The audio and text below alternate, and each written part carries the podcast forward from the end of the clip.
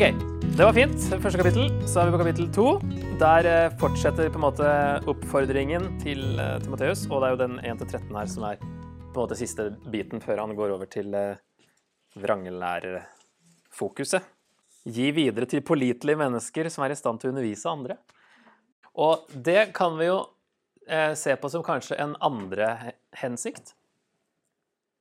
Som eh, han gir altså Først var det en oppmuntring, og så er det jo også at det må gis videre til pålitelige mennesker. Nå når Paulus eh, eh, snart er ferdig, så forsikrer han seg litt om at eh, Timoteus er på hugget til å gi det videre, så ikke det stopper opp. Men eh, evangeliet alltid går videre til mennesker som kan undervise det videre igjen. Så er det jo um, Vær da sterk. Det er jo en sånn liten som peker tilbake, da, det lille da-ordet. Eh, sånn tilbake til Eller at han i hvert fall kommer tilbake til Timoteus. da, Fokus på Timoteus etter å ha snakka litt om noen andre i versene før. Eh, du, da, står det egentlig på, på eh, gresk. Så du, da, vær sterk. Sånn tilbake til deg. Du må være sterk. Ved nåden. Det er sånn interessant. Vær sterk ved nåden i Kristus Jesus. At nåden er en kraftkilde som eh, Altså som, til å bli som. Og så kommer det noen eksempler nedover her. Eh, bær også du lidelsene som en god stridsmann for Kristus Jesus. Ingen soldat lar seg hindre av dagliglivets gjøremål, for han vil gjøre som hærføreren vil. Så det er den første, vers 34. Altså en soldat Eh, til å bære lidelsene, som han også nevnte i kapittel 1, og ikke glemme oppdraget sitt. Være fokusert. Kan vi lære noe av militæret? Så det er Paulus som bruker det som et eksempel. Være fokusert på oppdraget, og ikke ehm, bli hindret av dagliglivets gjøremål. Men det, Paulus bruker det som, eh, som eh, en illustrasjon da, på en soldat som vet hva han skal, og eh, ikke blir distrahert av andre ting og som tåler ting, bærer lidelsene, holder ut i det som er hardt og vanskelig. Og en idrettsmann må følge reglene om han skal vinne seierskransen. Det er neste.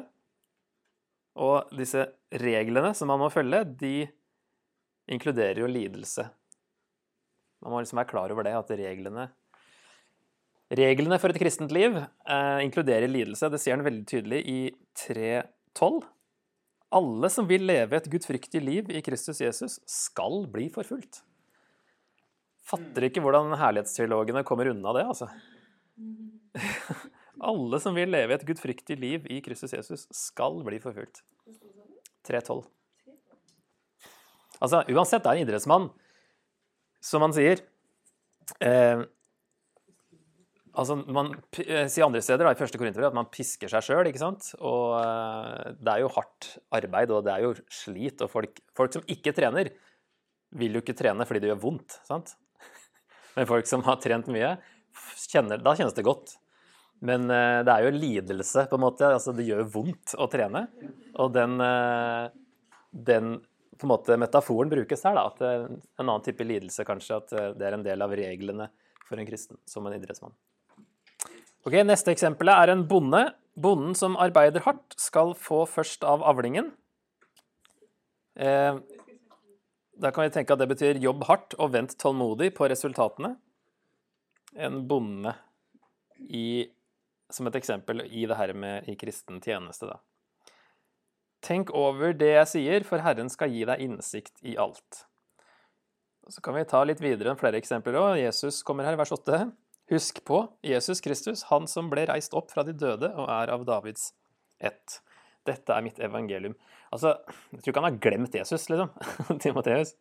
Men kanskje i konteksten her, da, hvis vi også ser bort fra at Paulus ikke hadde det avsnittet som denne oversettelsen har, i hvert fall, med innrykk eh, i vers 8, så kan det være at han fortsatt snakker om det samme, og at eh, Jesus også er et eksempel da, på en som sto opp fra de døde etter lidelse. Og så er det Paulus i vers 9 og 10 Eh, henter opp igjen da fra vers 8. Dette er mitt evangelium, og for dette lider jeg. Ja, jeg er bundet i lenker som en forbryter, men Guds ord er ikke bundet. Derfor utholder jeg alt for de utvalgtes skyld, for at også de skal nå fram til frelsen i Kristus Jesus og få evig herlighet. Så han lider som en forbryter, men holder ut alt for de utvalgtes skyld. Så alle de her var forpliktet på noe større enn dem selv, og er villige til å ofre og holde ut for et større mål. Det er det som er felles da, for alle de eksemplene her. Det er fem eksempler. Og det er liksom, Kristi nåde er en kraftkilde. Det er ikke sånn vi ofte snakker om nåden. I hvert fall ikke jeg det. Men uh, Titus, husker du hva det sto der i Titus 2, 12? Er det det? 11 og 12? Så nåden oppdrar oss, sier noe der i Titus. Og her sier han at nåden gjør sterk. Vi er vant til å tenke på liksom nåden som det som uh, gjør at vi kan bli frelst. Men for Paulus er det jo virkelig noe vi lever i. All, hele, liksom, hele det kristne livet er i nåden. Kanskje betyr det at uh, vi styrkes av Gud da, uh, når vi på en måte lever i den nåden også etter vi er blitt frelst. Vi er fortsatt i nåden. Og som galaterne, ikke sant? Eh, hvis man, eh, vi blir rettferdiggjort av noe annet, så faller man ut av nåden. Så vi er i nåden hele tida, og nåden gjør oss sterk. og Nåden oppdrar oss. Når du skjønner alt det nåden har gjort for deg, det Gud har gjort for deg ved sin nåde, så vil det oppdra deg. på en måte. Du, det, det, det, er liksom innskytelsen som Eller det som gjør at vi Det har vi sett i flere brev, ikke sant? at det er det som bør være motivasjonen for at vi lever etter Guds vilje og ikke for å prøve å nå opp til en standard som, som vi skal jobbe oss opp til sjøl, men som en respons på Guds store nåde, så, og den på en måte da oppdrar oss til å leve rett.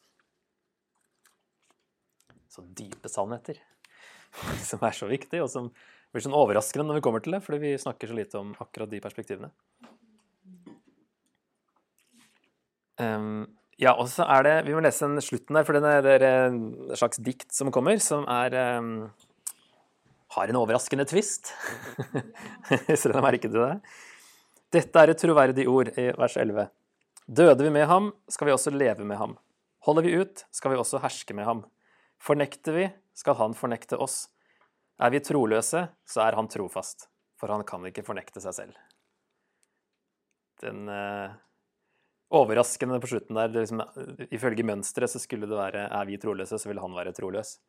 Men han vil være trofast, for han kan ikke fornekte seg selv, som fornektes som nevnes i forrige verset. Så det hentes opp igjen der, da. Så Gud er alltid Altså, vi, hvis vi fornekter Gud, så, så det, sier jo Jesus òg det, at den som skammer seg over, over han, skal han òg skamme seg over når han kommer. Altså eh, Å fornekte Jesus, ja, OK, greit. Da vi, hva si, vi eh, eh, godkjenner det. Si, at da, da det, det, valget man tar da, fra Guds perspektiv. Men er vi troløse? Det er noe annet enn å fornekte. Så er Gud aldri troløs. Han er alltid trofast. Ja, så han kan ikke fornekte seg selv, altså sin egen natur. Han er trofast av natur.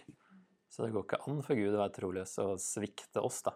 Selv om vi svikter Gud, så betyr ikke det at han svikter oss. Det er fint, da. da hadde vi da tatt for oss denne oppmuntringsdelen. Så går det over til å handle om vranglære, og det står også i overskriften her 'Fasthet mot vranglæren'. Jeg tok et bilde av noen fugler som krangler, for det var Det er en del ordkrig, som sagt, her. Jeg nevner det i vers 14.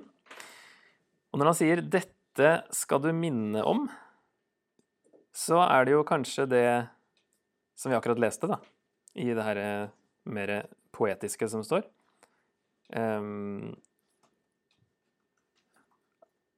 alvoret i å uh, fornekte, kanskje, og, men og oppmuntringen ved, hvis det er bare at vi har svikta. Dette skal du minne om, og for Guds ansikt skal du pålegge dem å unngå ordkrig. Dette tjener ikke til noe og virker ødeleggende på dem som hører på. Um, ja, her har vi det. Minne dem om forrige utsagn, kanskje, for å advare dem og vekke dem opp. Jeg lurte på hvor det hadde blitt av det, for jeg fant det ikke i notatene, men det kom her. um, Ordkrig jeg nevner også, hvis jeg leser litt eh, videre, sett alt inn på å stå din prøve overfor Gud. Vær en arbeider som ikke har noe å skamme seg over, men som legger fram sannhetens ord på rett måte. Vend ryggen til det ugudelige og tomme snakket, for de som taler slik, går bare lenger og lenger i ugudelighet. Og de versene der med ordkrig eller lignende, altså tomt snakk og sånt, det nevnte, nevnte han nå i 1. Timoteus, som jeg har skrevet opp her, eh, kapittel 2 og 6. Så det, det er samme uttrykk, så det er det samme, samme vranglærerne, virker det som. Samme opplegget de holder på med. Vers 15. Sett alt inn på å stå din prøve overfor Gud. Vær en arbeider som ikke har noe å skamme seg over, men som legger fram sannhetens ord på rett måte. Um, å presentere evangeliet uten krangling og uten å bøye av, er jo det som egentlig um, ordet 'legge fram' her betyr egentlig å gjøre rett, eller har noe med å gjøre rett å gjøre, da. Så uten å, å Ja, på rett måte. Legge fram på rett måte. Det er der det, er der det ligger denne rett-aspektet. OK, vers um, 16 og 17, da, sier um, siste del av 16. For de som taler slik, går bare lenger og lenger i ugudelighet, og deres ord vil spre seg som koldbrann. Blant dem er Hymeneos og Filetos, som har forvillet seg bort fra sannheten, for de sier at oppstandelsen allerede har skjedd, og de bryter ned troen hos folk. Han Hymeneos han ble jo nevnt da i 1. Timoteus, der det sto at troen hans har forlist, og at han spotter. Og nå står det her at han bryter ned andres tro. Så han har forlist sin egen tro og bryter ned andres tro. Um, og også som vi så, at uh, en del av vranglæren var å hevde at oppstandelsen allerede hadde skjedd, og det høres ut som en tidlig form for gnostisisme. I hvert fall samme syn da, på oppstandelsen. Men Guds grunnvoll står fast, og den har et seil med denne innskriften.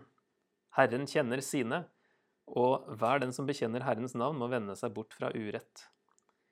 I et stort hus er det ikke bare kar av gull og sølv, men også av tre og leire. De første til fint bruk, og de andre til simplere bruk.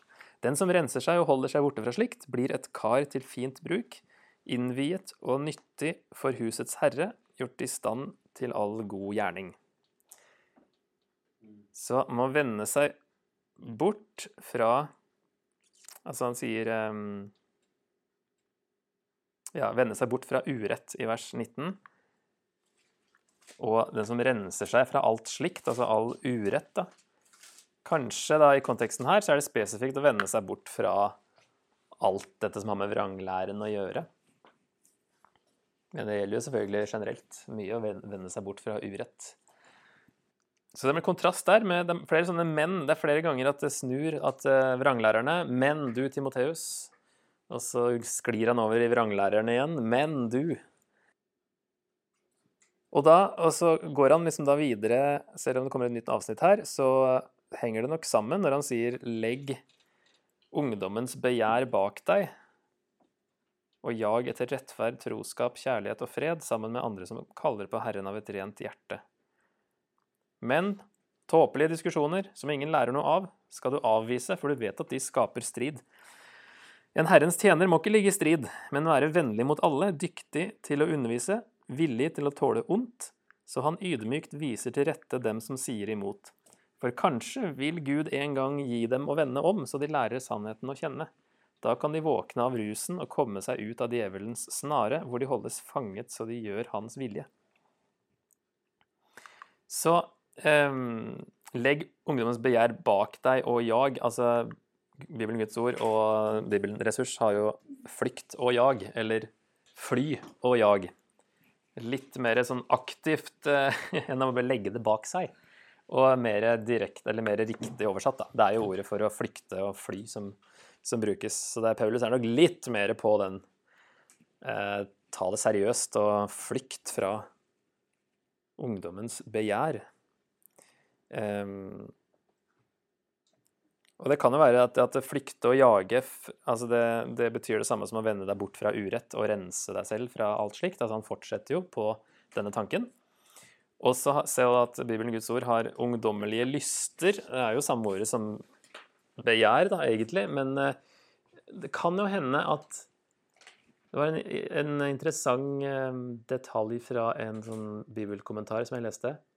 At eh, ungdommelige lyster kan òg være kjærlighet for det som er nytt. Tåpelige diskusjoner, og diskusjoner som fører til krangling. Altså, i hvert fall det at kjærlighet for det som er nytt, det er litt sånn ungdommelig ting. Og at man nå ofte er mer svart-hvitt eh, som ung, og det lett kan føre til mer krangling, kanskje, og eh, diskusjoner. Mindre nyansert. Jeg husker jo da jeg var tidlig, eller ja, tidlig i 20-åra og var skråsikker på noe i Bibelen, så var det liksom de eldre bare ja, ja. eh, vi får se. og så er man nå mer ivrig ikke sant, som ung. At de henger seg på, disse vranglærerne henger seg på det fordi det er nytt. ikke sant? Det er noe nytt og spennende. Og så blir det kanskje diskusjoner av det fordi man er mer svart-hvitt. Det virker som man setter opp mange ting som, er, som eh, Timoteus skal fokusere på, da, i stedet for krangling, som vranglærerne holdt på med. Eh, ikke sant? Diskusjoner som fører til krangling, og eh, tåpelige diskusjoner som ingen lærer noe av, ordkrig og sånne ting. Så nevner han da fred, ikke ligge i strid, vennlig mot alle, villig til å tåle ondt, ydmykt viser til rette dem som sier imot. Ganske mange ting da, som, eh, som er kontraster til det. Så Timoteus bør være det motsatte av vranglærerne, så virker det som at det å ville være effektivt i å overbevise andre som hadde blitt villeda. For han sier jo da i vers 25 at Paulus skal være, nei, Timoteus skal være sånn og sånn og sånn, for kanskje vil Gud en gang gi dem å vende om, så de lærer sannheten å kjenne. Det er som Grunnen til at Timoteus skal være på denne måten, er fordi Gud kanskje vil la dem omvende seg, få dem til å omvende seg. Um, og at uh, oppførselen til Timoteus er viktig, da, ikke bare det han sier. Og det kan òg være det ja, at vranglærerne selv ville våkne opp og omvende seg og komme seg ut av djevelens snare. De har blitt fanget av ham, og Timoteus bør prøve å få dem tilbake. Med han, hva han sier og hva han gjør. Men også da alle de som har eh, fulgt disse vranglærerne, da. Um, når han sier 'gi dem' å vende om, så er det ikke helt klart hvem man tenker på. Om det er vranglærerne selv, eller om det er alle de andre som er mer håp om å få tilbake. da. Men igjen så så sant, de listene, både i Titus og første Timoteus, så er de eldste og tilsynsmennene skal være motsatt av vranglærerne. Det skal Timoteus òg. Vise seg som en, en, som skiller seg ut da, fra alle de andre, og som står på Bibelen, som vi kommer til i morgen. Um, huske på nådegaven sin, ikke bli motløs, selv om han er den eneste som står der. Og um, oppi en vanskelig situasjon. Da.